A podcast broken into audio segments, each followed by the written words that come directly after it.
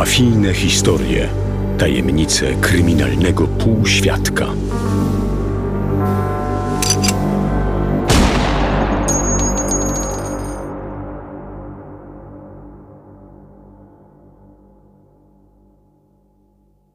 Kolejne bomby, zamachy i strzelaniny, czyli znaleźliśmy się w roku 1996.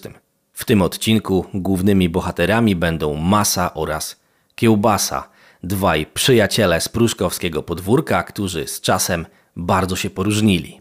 Opowiem też o próbie zemsty na wariacie, największym w roku Pruszkowa, a także dzięki udzielonemu za murami więzienia wywiadowi dowiemy się, jak miewał się Pershing wiosną 1996 roku. Jako nieco humorystyczną ciekawostkę poznacie również dietę Pershinga, jaką stosował w czasie pobytu za kratami.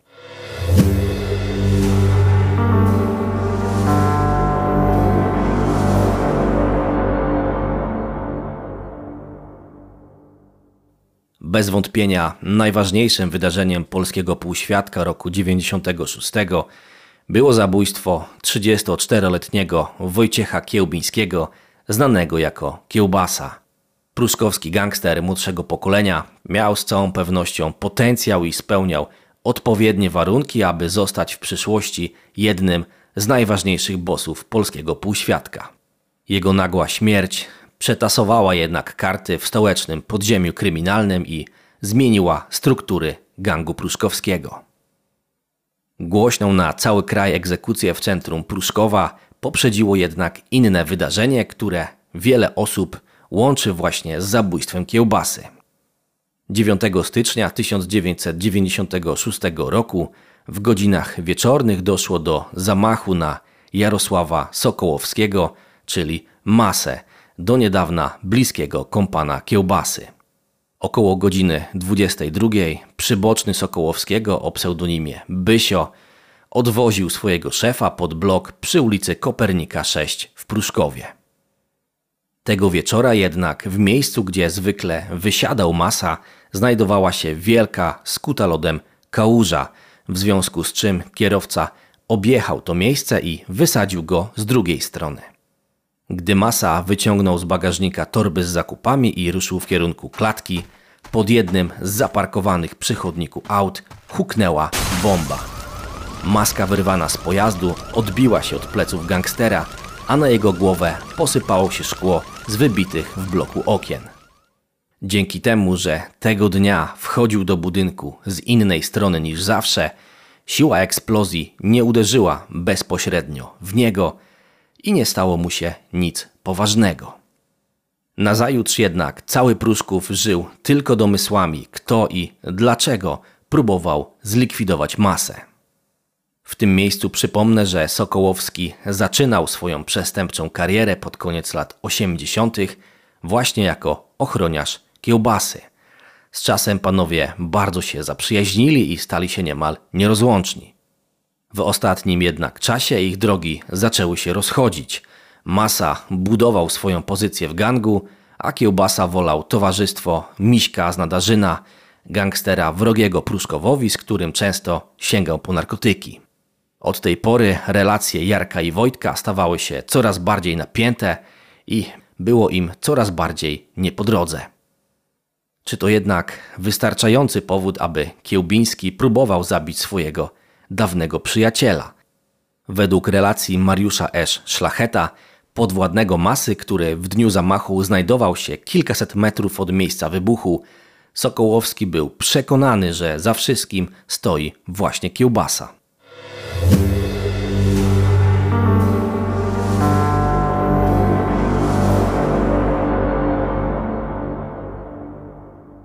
No huk potężny, że wiesz, zadrżały szyby. Mhm. Pamiętam, że siedziałem w pokoju, zadrżały szyby, naszym, nawet w moim bloku. Mhm.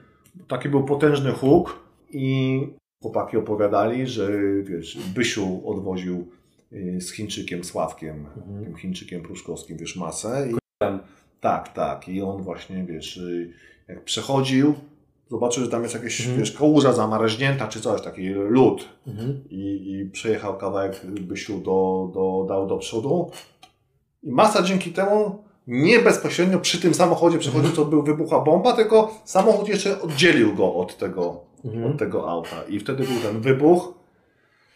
No i wiesz, i Bysiu, Bysiu w tym czasie, jak już odjeżdżali, cofnął się samochodem, wiesz, wyskoczył z Chińczykiem, tylko zapytał się, czy coś mu się stało, tak? A masa, wiesz, powiedział, że, że tylko, wiesz, że, że nic mu nie jest, tylko, że, że na jedno ucho tam, wiesz, nie słyszy mu dźwięczy w uchu. No miał farta, wiesz, miał farta z tego, co wszyscy mówili, że siła ta rażenia tej bomby poszła w ziemię. Że poszła w tą stronę, że jakoś, jakoś tak, wiesz, y, plotkowano, tak, że, że nie poszła do góry, że nie było, tylko poszła właściwie w ziemię. I on miał dzięki temu farta, że, że wiesz, że tam mu nie oderwało nogi, czy coś, że jakby ta siła rażenia gdzieś poszła do góry, wiesz, nie jestem pirotechnikiem, ale na tym się nie znam, tak, ale być może tam no, tylko dorabiali swoją jakąś taką, wiesz, y, historię. No to wiadomo, że potem wiesz, że pewnie Pruszków żył tym później przez, przez pół roku. Tak, ale wiesz co, pierwsze co, pierwsze co jak było... No to było przed śmiercią jeszcze kiełbasy. Tak, tak, tak. Nie, bo wtedy właśnie masa to pierwsza reakcja jego, to mówi, że nie podaruje mu w życiu. Nie podaruje mu tego, wiesz. Mhm. I chodziło, chodziło mu właśnie o Wojtka, który był skonfliktowany. Pierwsza było- myśl, jaka mu przyszła do, do No. głowy, że Wojtek mu podłożył tą bombą. I odgradzał się, powiedział, że nie podaruje mu tego, wiesz. To, to Mhm. potem chłopaki to opowiadali, wiesz. Bo wtedy się skumał y, kiełbasa z miśkiem, tak? Z Nadarzyna No. i, i, tak, tak. i... No ale to też była taka fama, że to oni może podłożyli masie, tak? Tą, tą bombę. Albo że parasol mu zrobił. Wiesz, yy, takie, takie chodziły różne pogłoski, tak? W pierwszej Mhm. kolejności podejrzewał kiełbasę, tak? I, i, I moim przekonaniu na tym zostało. Mhm. Pomimo, że on się później tłumaczył, że, że, że niby Wojtkiem się niby spotkał i mu Wojtek powiedział, że to nie on. Że mu przysiął tam na tak, matkę, to, to, coś. to, wiesz, to moim zdaniem to zrobił bzdura. No to może tak powiedzieć, bo już kiełbasa tego nie, nie Tak, ale to, to o- on był przekonany, że, że wiesz, że Wojtek mu o tym mówił, tym bardziej, tym bardziej, że jak już y, masy nie było, bo poszedł tam czy do aresztu, czy, czy wiesz, to rozmawialiśmy też o tej sytuacji, wiesz, z Bysiem, y, y, z Chińczykiem, bo przecież często imprezy były, czy u mnie w domu, zakrapiane ostro i, i z, z białym, wiesz, Mhm. towarem, to żeśmy gadali o tym, to pierwsze co mówili chłopaki, że, że wiesz, że, że to właśnie o to chodziło. Ale że to, że potem zemsta była później? Tak, że, Masa? że masa, masa brała poprawkę na Wojtka, że to on podłożył tą bombę.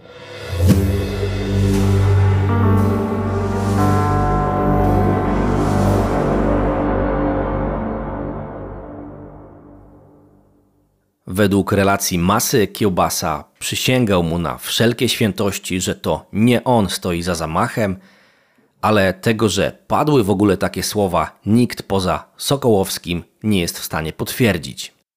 Drugim głównym podejrzanym był jednak Janusz P. Parasol, jeden z bossów gangu, który nienawidził masy i tolerował go tylko wtedy, kiedy ten przynosił mu worki pieniędzy. Tego, kto rzeczywiście podłożył bombę masie, zapewne nie dowiemy się już nigdy. Wielu jednak uważa, że zdarzenie, do jakiego doszło nieco ponad miesiąc później, było właśnie następstwem zamachu pod mieszkaniem Sokołowskiego.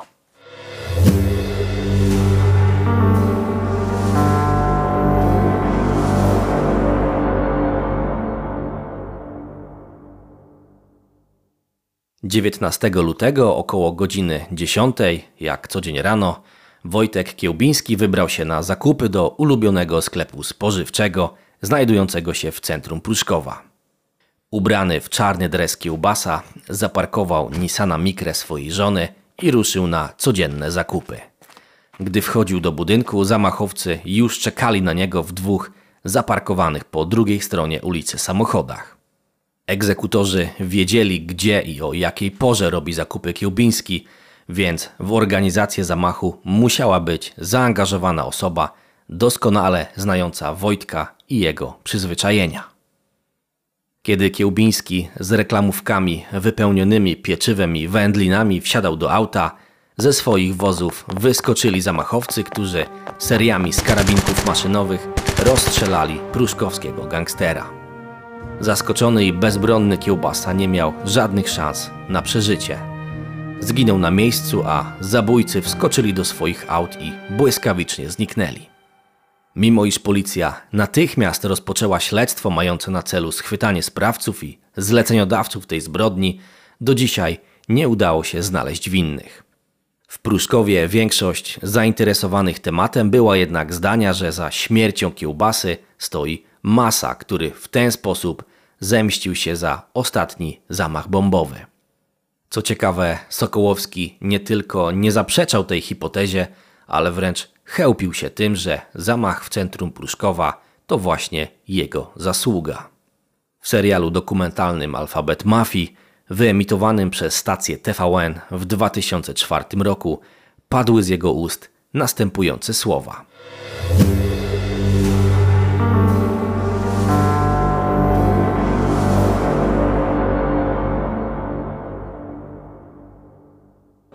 Wtedy, kiedy zastrzelono Wojtka Kiełb...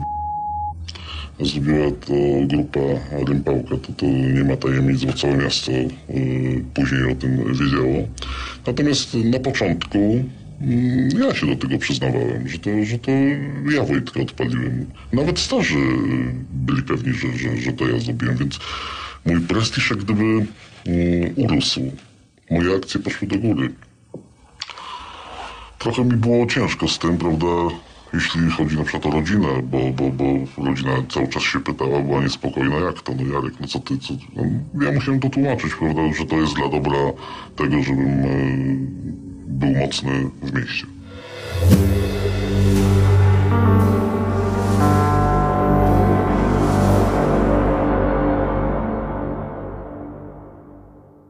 Kilka lat później, w czasie ubiegania się o status świadka koronnego, Massa diametralnie zmienił swoją narrację. W rozmowie z prokuratorami wyjaśniał, że przyznawał się do zabójstwa tylko po to, by podnieść swój status w mafijnych strukturach, jednak z samą egzekucją nie miał nic wspólnego. Według niego za zabójstwo odpowiadał wspomniany w poprzednim odcinku Marek C. Rympałek.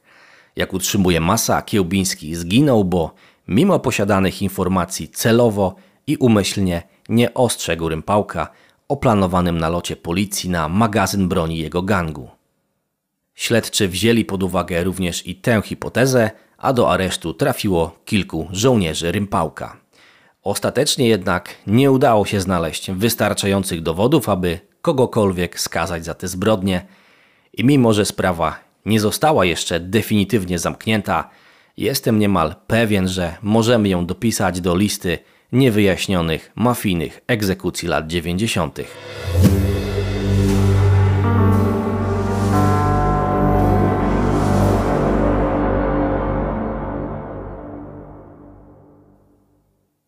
Mamy za sobą styczeń i luty 1996 roku. Przechodzimy teraz do następnego miesiąca, gdyż 1 marca ukazał się obszerny wywiad z przebywającym w zakładzie karnym na Białołęce Pershingiem. Jak pewnie pamiętacie, Andrzej Kolikowski został zatrzymany w Sopocie latem 1994 roku wraz z całą wierchuszką grupy pruszkowskiej. Następnie trafił do aresztu i został skazany na 4 lata za siłowe wymuszenie zwrotu długu oraz paserstwo. Dzięki rozmowie, jaką z Pershingiem przeprowadzili dziennikarze Ekspresu Wieczornego Jacek Lech i Adam Michejda, możemy się dowiedzieć, jak miewał się w połowie swojej odsiadki polski gangster numer jeden. Zanim jednak przejdziemy do wywiadu, chciałbym zwrócić uwagę na sposób wypowiedzi Kolikowskiego.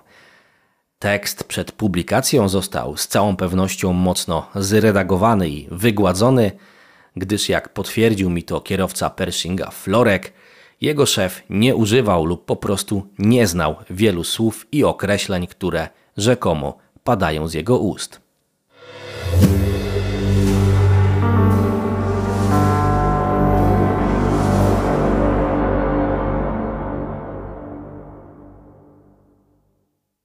Nieskazitelnie biała bluza i adidasy, starannie wypielęgnowane ręce, krótko przystrzyżone włosy. Po Andrzeju Kolikowskim, zwanym Pershingiem, nie widać, że ponad półtora roku spędził już w różnych aresztach. Po Rakowieckiej i Białołęce w najbliższych dniach trafi do aresztu w Lublinie, gdzie czeka go kolejny proces.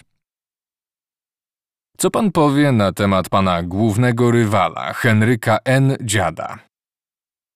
Uważam, że na takiego głupola szkoda słów i nie będę się o nim wypowiadał. Dlaczego nie chce pan rozmawiać na temat dziada? A przecież poszedł pan do niego po haracz do kantoru. Tak przynajmniej twierdził dziad. Co można sądzić o człowieku, jeżeli kłamie i wymyśla bzdury na mój temat? Proszę iść i spytać, czy byłem u niego po haracze.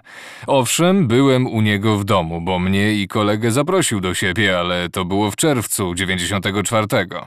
Było to moje pierwsze spotkanie z panem dziadem. Czy to prawda, że dowiedział się pan w komendzie stołecznej policji od jednego z funkcjonariuszy, że to Henryk N. zlecił na pana zamach? Tak, po wstępnych przesłuchaniach wezwano mnie do innego pokoju i tam zapytano, co zrobiłem panu N., że wydał na mnie wyrok śmierci. Odpowiedziałem, że nie znam i nie widziałem dziada. Tylko słyszałem o nim, ale uważałem, że on w tym udziału nie brał, jednak funkcjonariusz w dalszym ciągu twierdził, że jestem źle poinformowany. Jaki cel mógł mieć policjant mówiąc o wydaniu przez dziada wyroku na pana? Rozmowa ta odbyła się cztery dni po zamachu na mnie. Teraz uważam, że było to podburzanie i doprowadzanie do wendetty. Plan policji może zostałby zrealizowany. W Warszawie doszło do zamachów bombowych. Stan zagrożenia miał pomóc w uchwaleniu ustaw policyjnych. Uważam, że dzięki ludzkiej inteligencji i rozsądkowi nie doszło wtedy do porachunków i plan policji spalił na panewce. Czy ktoś ma prawo do takich perfidnych podstępów związanych z prawem? W 95 roku rozsądku zabrakło, zginęło kilka osób. Ustawa przeszła. Nad tym trzeba ubolewać. Chodzą słuchy, że zna pan Baksika, Gąsiorowskiego i innych wpływowych ludzi. Osobiście z panem Baksikiem nic mnie nie łączy i praktycznie go nie znam, chociaż raz w towarzystwie spotkałem się z panami Baksikiem i Gąsiorowskim. Kiedy to było i gdzie? W 1993 roku, w październiku albo w listopadzie, zostałem zaproszony przez mojego kolegę na wycieczkę do Jerozolimy. Mój kolega przyjaźnił się z tymi panami. Kim jest ten pański kolega i dlaczego zaprosił pana na wycieczkę do Izraela? Tym kolegą był Wiesław P. Zaprosił mnie, bo wyświadczyłem mu przysługę, chciał się odwdzięczyć. Ukradziono mu samochód i ja pomogłem go odzyskać. Nie miałem żadnych kosztów, więc nie chciałem pieniędzy. Wtedy zaproponował mi w dowód wdzięczności, abyśmy razem pojechali do Jerozolimy. Z panem Baksikiem zjedliśmy obiad. Trwało to pół godziny, praktycznie z nim nie rozmawiałem. Zresztą ten człowiek nie jest osobą, z którą mógłbym prowadzić jakiekolwiek interesy lub utrzymywać znajomość. Kilkakrotnie prosiliśmy Andrzeja Kolikowskiego, aby wyjaśnił, dlaczego nie robiłby interesów z Baksikiem. Jako powód podał jedynie, że Baksik nie jest człowiekiem z jego środowiska. Przypis redakcyjny. Interesuje się pan polityką? Nie. Dlaczego?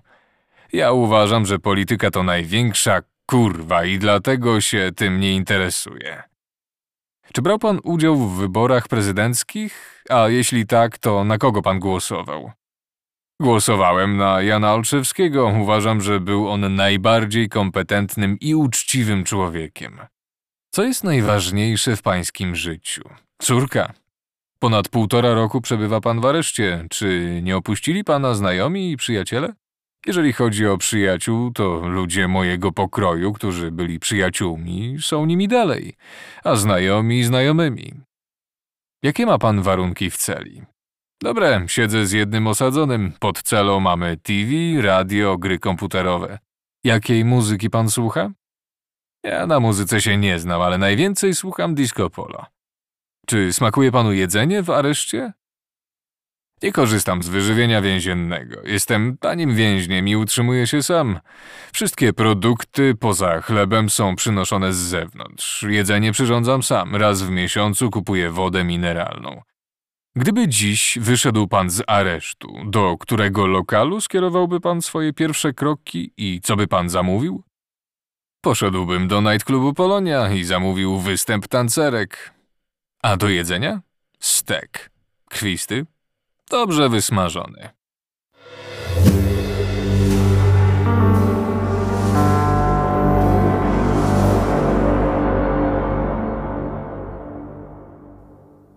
Na końcu wywiadu pojawia się jeszcze pewna ciekawostka, którą musiałem się z Wami podzielić. Ciekawostka, która jest dowodem dla tych wszystkich, którzy uważają, że to dziś z gangsterów robi się celebrytów. W rzeczywistości dziś jedynie odkopuje się pewne tematy i postacie w związku z zapotrzebowaniem na nie, jednak celebrytami polscy gangsterzy byli 25 lat temu w czasie swojej przestępczej działalności. To właśnie wtedy Piotr Frączewski jako Franek Kimono wcielał się w postać bossa w piosence Pruszków Wołomin, a czytelnicy Ekspresu Wieczornego zapoznawali się z dietą Pershinga stosowaną za murami więzienia. Oto ona.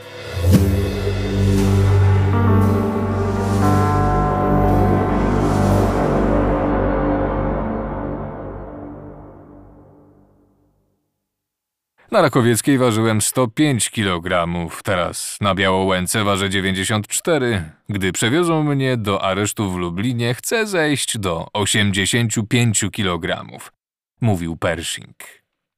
Dieta Pershinga. Śniadanie. 20 deko chudej szynki w plasterkach, dwie kromki więziennego chleba i filiżanka kawy cappuccino. Lunch rosół, udo lub pierś z kurczaka. Obiad dwa plasterki gotowanego schabu, surówki z warzyw i chleb. Kolacja chude wędliny, pieczywo i herbata. Przez cały dzień woda mineralna i owoce, do tego kilka godzin ćwiczeń na siłowni, w celi i na świeżym powietrzu.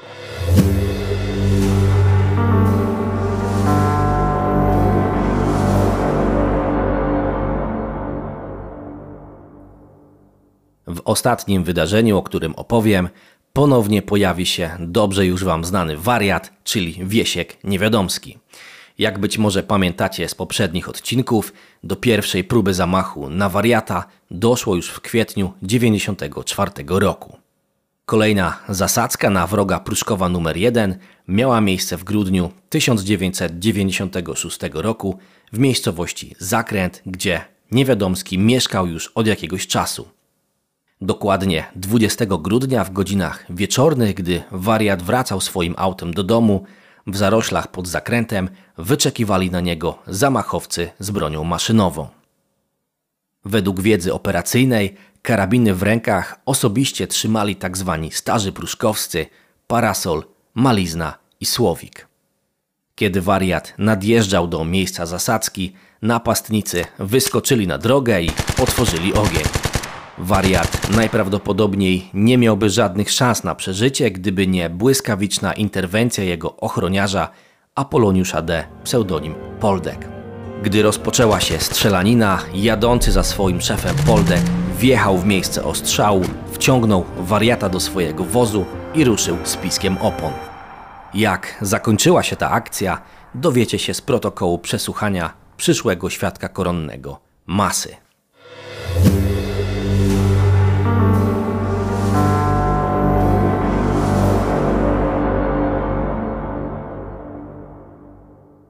Ja najbardziej szczegółową wiedzę posiadam na temat usiłowania zabójstwa Wiesława Niewiadomskiego w miejscowości Zakręt. Daty nie pamiętam, był już wieczór. Zadzwonił do mnie parasol i powiedział, żebym przyjechał do restauracji Duch na Żbikowie. Kiedy tam przyjechałem, był tam pijany parasol, Kazik K., jeden z synów siostry Czesława B., pseudonim Dzikus i jakaś młodzież ze Żbikowa. Ja pojechałem tam chyba z B. Zastaliśmy parasola wznoszącego toast za śmierć niewiadomskiego. Parasol powiedział mi, żebym szykował gotówkę, bo muszę się też dołożyć do śmierci Wieśka. Powiedział, że jeżeli chodzi o mnie, to jest to suma pięciu tysięcy dolarów. Ja zapytałem go, jak to się stało i przed nim sprawiłem wrażenie zadowolonego ze śmierci niewiadomskiego, aby się bardziej uwiarygodnić. On wtedy powiedział mi, że długo na niewiadomskiego polowali, że wszyscy powinniśmy być im wdzięczni za jego śmierć, bo oznacza to koniec wojny. O samym zdarzeniu opowiadał, że brali w nim udział on, Malizna, Słowik i ktoś czwarty. Mówił, że stali pod drzewem i czekali, kiedy będzie przejeżdżał niewiadomski. Kiedy nadjechał samochód niewiadomskiego, wyskoczyli z ukrycia i zaczęli strzelać do samochodu.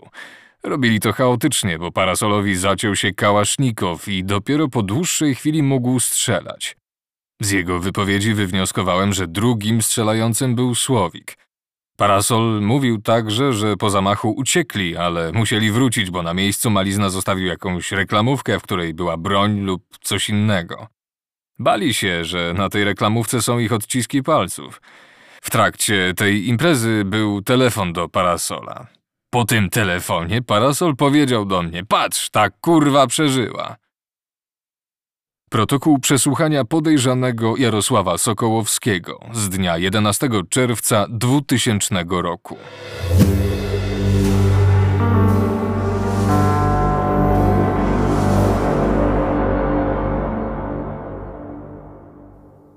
Tak więc wariat po raz kolejny uniknął śmierci, choć od zamachu w zakręcie zostało mu jeszcze tylko kilkanaście miesięcy życia.